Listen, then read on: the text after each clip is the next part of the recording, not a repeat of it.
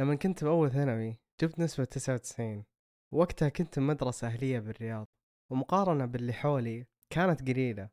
بحكم زي ما تعرفون وقتها المدارس الأهلية كانت عبارة عن تدفع عشان تاخذ درجات أكثر. بكل حال نقلت الشرقية وكانت أول تجربة لي بمدرسة حكومية. فبالطابور كان في تكريم متفوقين بالسنة الماضية. وأنا طبعا آخر توقعاتي إني أكون منهم. لأني أشوف نفسي طالب عادي دراسيا. نواف الجهني. يوم سمعت والطلاب بدأوا يصفقون. وأنا رايح أستلم الشهادة سمعت كذا شخص قاعد يقول جانا دافور جديد. الذاكرة هذه لا زالت تلمع بذيك اللمعة اللي ببالي.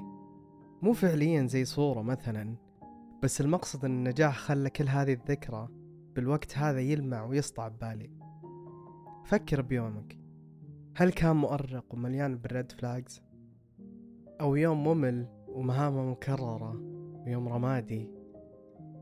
أو كان يوم مليان بأشياء ومواقف جميلة ومليان ب green flags لاحظت أن نعطي ألوان لكل شيء. طيب إيش ألوان أفكارنا؟ أنا نواف واليوم بنغوص بألوان أفكارنا المختلفة وليش أصلا نلونها؟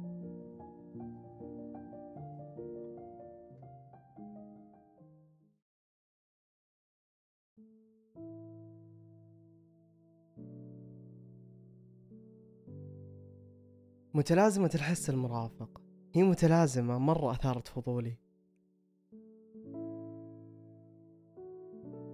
تخلي الشخص يسمع الألوان ويشم الإزعاج ويذوق الأشكال وحتى لما يفكر بالأرقام يتذوق طعمها. يعني تخيل أنك في حصة رياضيات وتذوق المعادلة اللي قدامك. أعتقد يا إما أنها بتكون أفضل تجربة بحياة هذا الشخص أو أكبر عذاب لهذا الشخص حسب علاقتك بهذه المادة.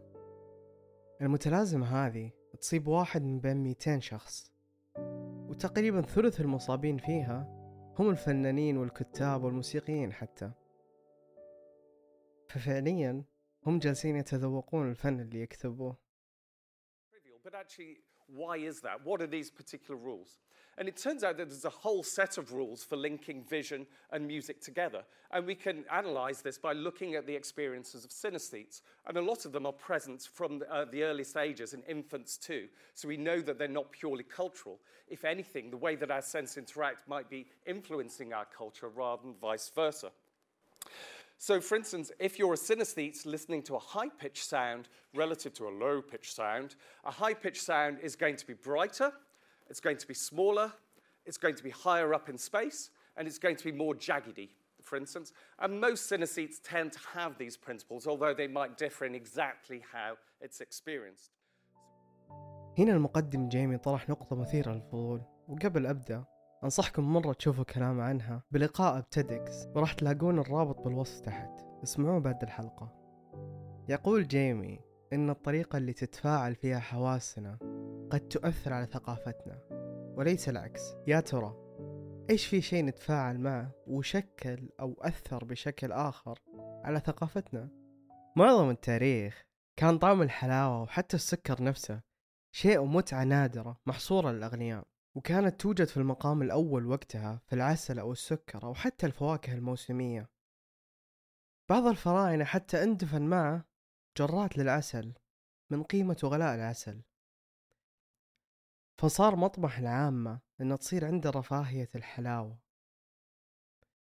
فلما انتشرت التجارة بين دول العالم وصار من الممكن ننتج السكر بسهولة تغيرت تفضيلات أذواقنا بشكل كبير. وصارت عندنا ثروة الحلاوة صرنا ننتج الحلويات والمشروبات الحلوة. تغيير بسيط بتفضيلنا لأحد حواسنا ممكن يشكل ويكون جزء عميق بقيمنا وتقاليدنا وحتى خياراتنا الصحية. وهالشي يذكرنا بأن عقلنا مو ببساطة يجلس يرتب الأشياء بالنا بصناديق مسماة ومنظمة. وهالشي يخليني أقول إن ممكن اللي نفكر فيه باعتباره لون هو بالأساس فكر مرتبط بحاسة خفية. أغلبنا ما يقدر يعيشها حتى بشكل إرادي. لغتنا هي اللي بنلقى وندرك فيها الاتصال العميق بين مشاعرنا والألوان. وجهك محمر من العصبية. قلبك أبيض. يومك أسود. على ما يبدو إن ما نقدر نتجنب هالشيء. خلينا نتعمق أكثر.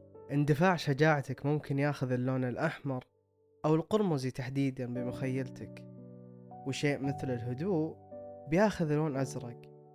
هل ممكن أن علاقات الألوان بهذه المشاعر تحديدا هي طريقتنا لترجمة حالتنا الداخلية لشيء تقريبا ما نقدر نشوفه؟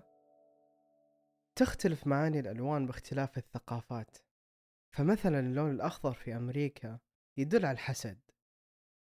وفي اليابان دلالة على الطاقة والنشاط والحيوية. وفي إيرلندا دليل على الحب والانتماء للوطن. وبثقافتنا العربية يرتبط بالجنة ولباس أهلها وبالتالي البهجة والسعادة والتفاؤل. وخليني ناخذ لون ثاني. خليني نقول اللون الأزرق. اللون الأزرق في أوروبا يعبر عن الصفاء والهدوء وفي الثقافات الآسيوية والأفريقية يدل على الفرح والسرور. ولكن ثقافة مثل الثقافة الإيرانية تربط اللون الأزرق بالسلبية. وهذا يبين لك الاختلاف الشاسع بتفسير الألوان لأن اللون والمعاني المرتبطة فيه ما هي قوانين ثابتة وغالبا تتكون من أفكار مجتمعية. تخيل معي صورة إشاعة عقلنا ولو مو قادر تتخيلها شوف صورة الحلقة هذه. ألوانها المختلفة تصور أجزاء عقلنا. طيب هل ممكن هذه الأنماط تورينا لون أفكارنا الحقيقية؟ الموضوع شوي بيصير غريب بس تحملوني. تخيلوا شخص حلل كل آلة ونوتة بأغنيتك المفضلة وقال شوف هذه الأغنية الرهيبة لونها برتقالي. بيكون سخيف صح؟ تقريبا هذا اللي جالسين نسويه لما نبغى نحط لون واحد لسمفونية أفكارنا المعقدة اللي ببالنا. حتى لو كان عندنا كاشف متطور ويرسم صورة حية لأفكارنا هل نقدر نثق فيه أصلا؟ هل بتكون مجرد صورة جميلة بس؟ ولا انعكاس حقيقي لعالمنا الداخلي؟ وحتى لو اكتشفنا هالجزء هل أفكارنا لون أساسي أصلا؟ راح أخلي العلماء والفلاسفة يتجادلون إلى اللا نهاية فكروا معاي بشي بسيط زي التفاحة نشوف تفاحة ينعكس منها الضوء عيوننا تشتغل وعقلنا يسوي سحرة ويطلع لنا أحمر. لكن تدري أن العالم الخارجي ما يحس بالأحمر؟ كله بالأساس من صنع عقلنا. طيب لو كل شيء نشوفه هو مجرد ترجمة محدودة للواقع قارنوا هذا بأفكارنا. مو مثل التفاح تعكس الضوء. هل ممكن يكون لها لون نقدر نلقطه؟ وأصلا حتى لو كان لها لون هل نقدر نفهم هذه الألوان بعيوننا وعقولنا اللي بالأساس اتطورت لواقعنا المحدود هذا؟ خلينا نجرب شي سوا. غمض عيونك وتخيل ذكرى حلوة لك. لو تلاحظ الذكرى لها جو خاص فيها. ممكن يكون حميمي أو لامع أو اثنينهم حتى. طيب تذكر موقف خلاك قلق. بتحس كأنه ظل ملقى عليك. ممكن وابل من التحذيرات الحمراء. لاحظت كيف أن الذكريات الحلوة بتكون ناعمة ولكن السيئة بتكون متعرجة ومشوهة. كل هذه الأوصاف فريدة وخاصة فيك أنت. شفت كيف الموضوع قديش يكون شخصي؟ عشان كذا بالغالب تصورنا اللون أفكارنا بيستقر بشيء ما نقدر نقيسه الحين.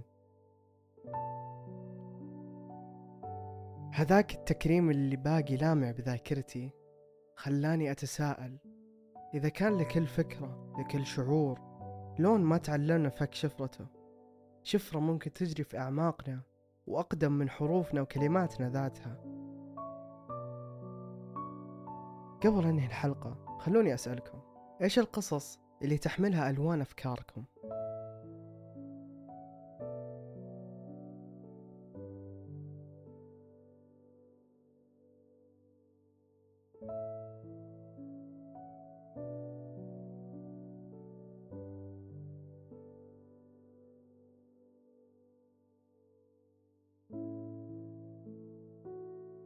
يا هلا فيكم. أتمنى الحلقة عجبتكم ولا تنسوا تشاركونا تعليقاتكم تحت وقيموا البودكاست وشاركوه لمن تحبون.